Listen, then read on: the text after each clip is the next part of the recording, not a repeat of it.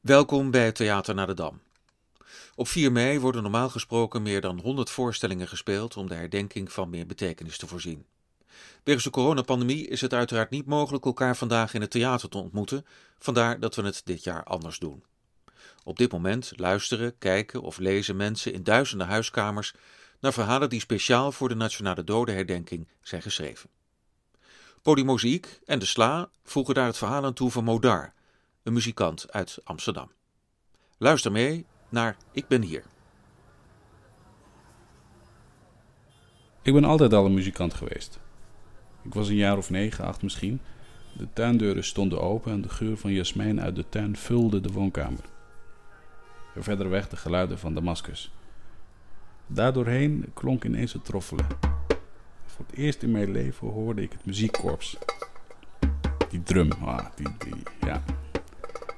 Die drum. Dat wilde ik ook.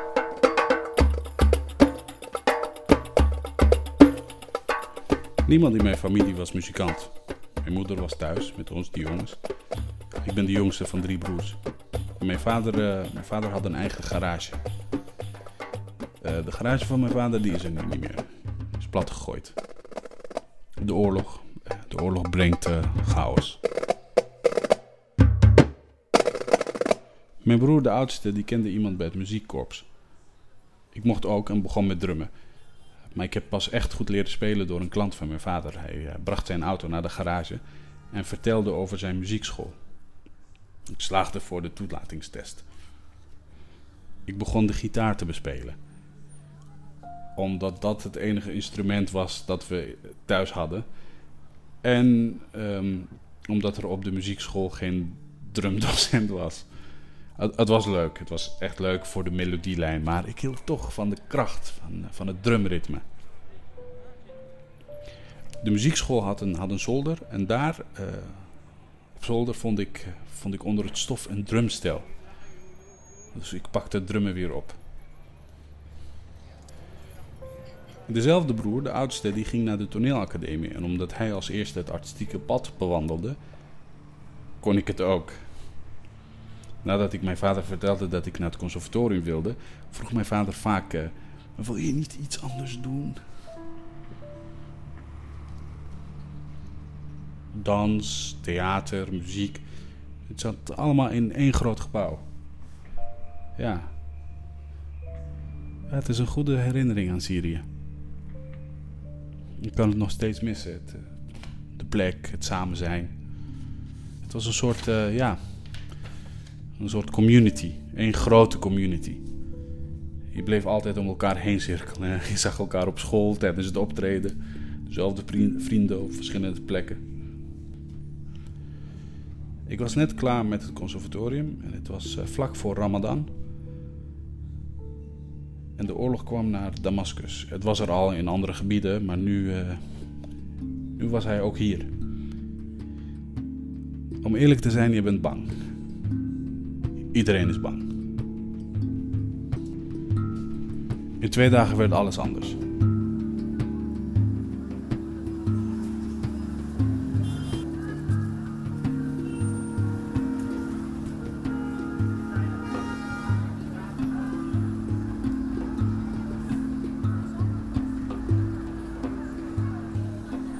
Wij woonden in de goede deel van de stad, mijn familie niet. En wij moesten voor elkaar zorgen. In onze vierkamerwoning woonden we nu met twintig mensen. Ik had geen idee wat er allemaal gebeurde. We keken tv, we maken shifts wie wanneer sliep, want er waren niet genoeg bedden. Mijn moeder kookte altijd al, nu ging ze daarmee door. Samen met mijn tante kookte ze voor iedereen. Gek genoeg ben je alleen met je eigen familie bezig. Hè? Je denkt dat jij de enige overlevende bent. Totdat je de deur uitgaat om brood te kopen en dan blijken er allemaal mensen op straat te zijn. In die tijd drumde ik soms zachtjes in huis, in een hoekje, want er was nergens anders een plek. Als ik daarvoor thuis drumde, dan mocht dat nooit. Is een beetje stil voor de buurman, zei mijn moeder altijd. Elk geluid is beter dan het geluid van de oorlog. Als kind had mijn moeder de oorlog al meegemaakt en nu was hij er weer. De bombardementen, de slachtoffers. Het geluid van de helikopters. Wij woonden in een veilige buurt. Wij uh, wisten dat de helikopters alleen in de andere wijken schoten. Maar toch. Toch, als we buiten waren, zodra, zodra het klappen van de wieken klonk, liet mijn moeder alles vallen en uh, stoof naar binnen. En dan bleef ze daar. Wachten. Weet je, voor mij, voor mij is het niet zo moeilijk. Voor mijn moeder is het moeilijk. Als het je tweede oorlog is. Hè? De tweede oorlog uh, haalt het trauma van de eerste oorlog weer naar boven. Het is, het is moeilijk. Het is, uh, voor al die kinderen die in een oorlog leven. Het is. Uh, een vriend van mij, zijn vader is dood door een raket. Je hoort verhalen Weet je, ik heb, ik heb niks om over te zeuren. Ik, uh, ik wil praten over de mooie dingen. Er is zoveel wat mij terugbrengt naar mooie momenten. Als ik op vakantie ben uh, en in jasmijn ruik, ben ik terug in Damascus. In onze stad. In onze tuin. Of de tweede dag uh, dat ik in Nederland was, Arvin, mijn vrouw, is een altviolist. Zij nam mij mee naar haar repetitie. Naar haar repetitie in het theater klanken, die, die zijn overal hetzelfde. Geef uh, uh, geborgenheid. Ja, geborgenheid. Twee dagen liep ik rond met een keuze. Ik kon in de oorlog blijven of weggaan. Ik ging, samen met mijn oudste broer, naar Egypte. Met mijn uh, drumstokken, bekkens, kleren en laptop uh, voor één maand dan zou ik weer terugkomen. Als ik eerder voor een optreden een paar nachten van huis uh, weg was, had ik meteen heimwee. Nu ging ik één maand. Daar hou je je aan vast. Aan de hoop dat je over een maand weer bij je familie bent.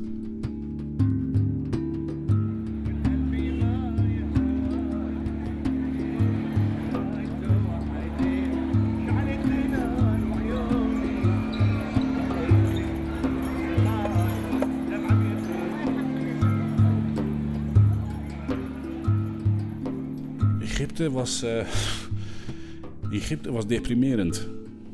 Wachten was alles wat ik deed. En de oorlog uh, thuis die werd erger en erger en erger. Vier weken werden vijf weken. Vijf weken werden zes weken. En na twee maanden volgde de rest. Ook mijn ouders uh, mijn middelste broer kwamen naar Egypte. Ik deed steeds niks. De oorlog in je hoofd. Je moet het vergeten. Het maakt je maakt je down. Mensen kunnen hun geheugen aanpassen aan wat er, eh, wat er is gebeurd. Je herinnert je alleen stukken. Zodra je het opschrijft, dan komt het, uh, komt het bij je terug. Is, is het echt? Ja, kun je niet meer omheen.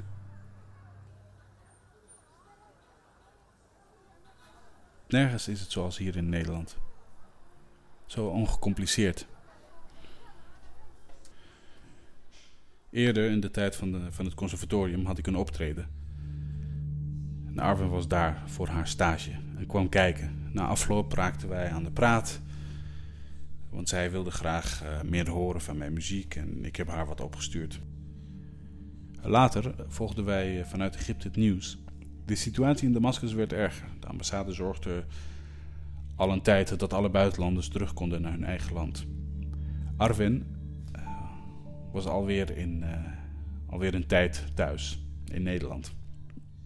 Hij stuurde mij een berichtje. Hoe gaat het met jou in deze tijd? En wij bleven elkaar berichtjes sturen. Arwen uh, kwam naar uh, Egypte om een vriendin op te zoeken en om mij te zien natuurlijk. We zagen elkaar en, en hadden meteen een klik. Wij werden verliefd. Zij ging terug naar Amsterdam. Maar we bleven elkaar spreken. En, uh, en dan komt er een punt.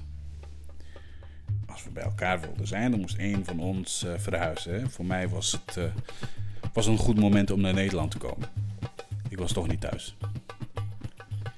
Die stress van het papierwerk en de onzekerheid.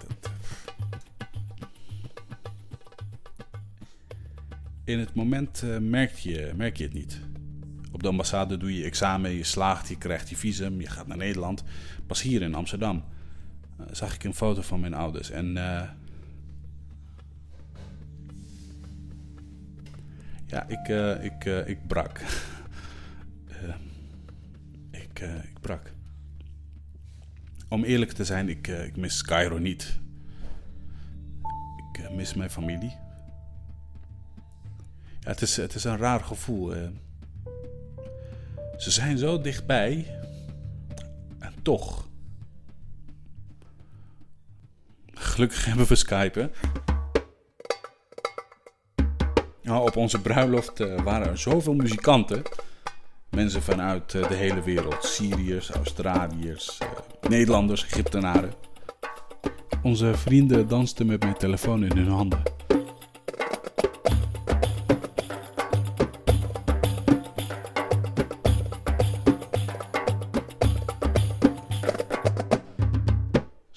Via Skype met mijn ouders.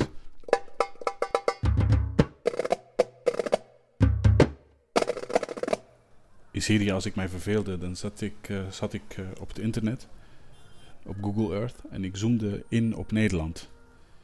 En het eerste wat ik daar zag, was het Waterloopplein, de Stopera, de hotels, de Amstel. De kleuren van de gebouwen waren zo mooi. Alleen de lucht. De lucht was grauw van het weer.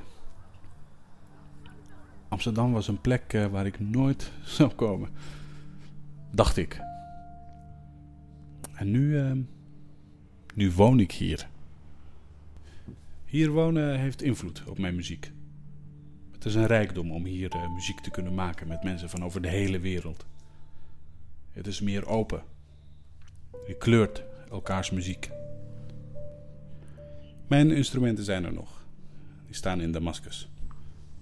In ons huis. Onze tante is er blijven wonen. Tussen onze spullen. Alles verouderd in huis. Maar verder blijft het hetzelfde. Op straat zijn alleen de mensen anders dan vroeger. Door al die stress. Ik heb hier, ik heb hier een luxe leven. En daar, daar is niet alleen oorlog. Hè. Alles is moeilijk. De economie, het gebrek aan water en eten, gas. Paar jaar geleden speelde ik in een orkest met vrienden van het conservatorium. Goede vrienden uit Syrië die nu uh, op alle continenten wonen. Voor we begonnen met maken van muziek, moest alles verteld worden. Iedereen heeft nachtmerries. En wij delen ze. De nachtmerries. Ah, het is hetzelfde verhaal, alleen een andere scenario. Het is goed om samen te spelen om muziek. De muziek is er altijd. Voor anderen is alles erger. Ik heb niks te klagen. Nee, ik, uh, ik ben hier. Ja, ik ben hier.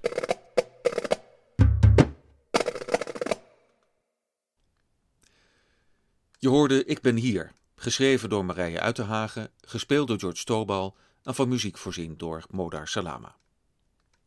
Marije Uitenhagen schrijft zintuigelijke, fantasierijke teksten, voor zowel jeugd als volwassenen. Met haar teksten toont ze dat wat je normaal niet ziet. Ze ziet de schoonheid in dagelijkse voorwerpen en gesprekken waar anderen aan voorbij lopen. Marije werkte onder andere voor Twee Turven Hoog, Compagnie Squeeze, Hollandse Nieuwe, Stichting Theaterstraat, Noorderwoord en Danstheater Aya. George Tobal is acteur, regisseur, theatermaker en docent. Naast de theatervoorstellingen met Eran Ben Michael is hij bekend van verschillende tv-series en films, zoals Noord-Zuid, Com vs. Kidder en Project Orpheus. Voor zijn rol in de film Jungle ontving hij een gouden kalf. Modar Salama studeerde klassieke en Oriëntaalse percussie aan het Hoge Instituut voor Muziek in Damascus en bouwde daar een carrière op als drummer. Na zijn verhuizing naar Nederland legde Modar zich meer toe op Oriëntaalse percussie Hij werkte samen met verschillende gerenommeerde ensembles en artiesten uit binnen- en buitenland, zoals het Brussels Jazz Orchestra, de IJsselon, het Atlas Ensemble, het Amsterdam Andalusisch Orkest, Martin Fonse en Ellen ten Damme. Ook werkte hij mee aan theaterproducties van De Nieuw Amsterdam, Space en Storyteller. Ik ben hier is een audioproductie van Podium Mozaïek en De Sla.